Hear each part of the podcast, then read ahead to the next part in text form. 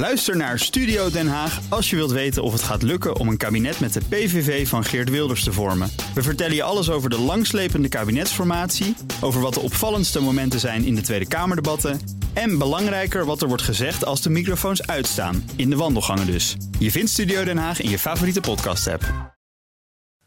Bernards duizendste. Ja, want het is een jubileum deze week. Columnist Bernard Hammelburg spreekt deze week zijn duizendste column hier op BNR uit. En daarom duiken we in het rijke archief van zijn columns. De hele week hoor je in de ochtendspits uh, en ook in de avondspits de mooiste. De avondspits, Daily Move. Voor deze column gaan we terug naar 15 april 2020. De column van Bernard Hammelburg. Dat de wereld nog een tijdje vastzit aan coronabeperkingen is ongetwijfeld waar. Maar om het nieuwe normaal en de anderhalve meter samenleving tot norm voor de toekomst te verheffen, lijkt me een illusie en ongewenst.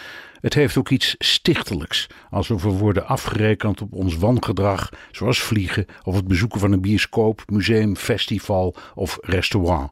Of oma, terwijl het niet de schuld is van oma, maar van een virus. Neem de ondergrondse in Tokio, met stations waarin het spitsuur per half uur een miljoen reizigers in- en uitstappen. Beroemd zijn de perronwachters die met witte handschoenen aan de passagiers in de wagons proppen. En dat terwijl Japanners elkaar in de openbare ruimte zo min mogelijk aanraken en geen handen schudden. Die propvolle metro is echt binnen de kortste keren terug.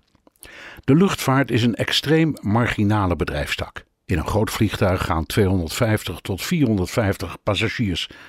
Als je daar de anderhalve meter norm toepast, overleeft geen enkele luchtvaartmaatschappij. En nee, dat gaat niet over goedkope vakantiereisjes en het huidige gelegenheidsvreugdedansje van sommige milieuactivisten is op zijn zachtst gezegd ongepast.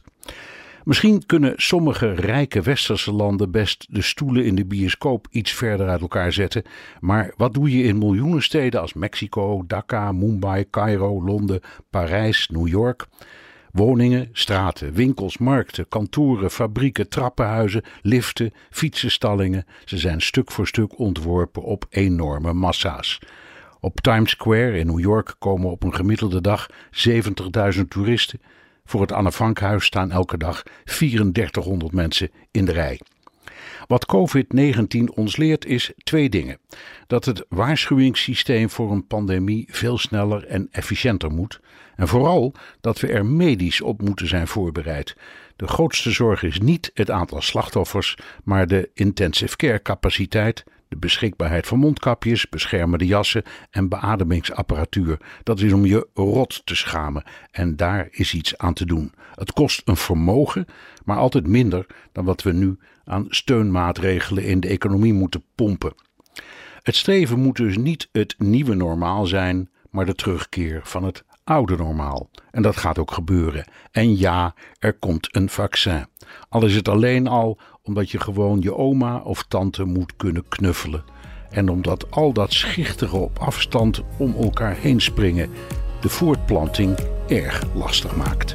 Columnist Bernard Hammelburg. Terugluisteren? Ga naar bnr.nl of de BNR-app. Ja, en dit was dus de column van 2020. Je bent weer terug in 2023.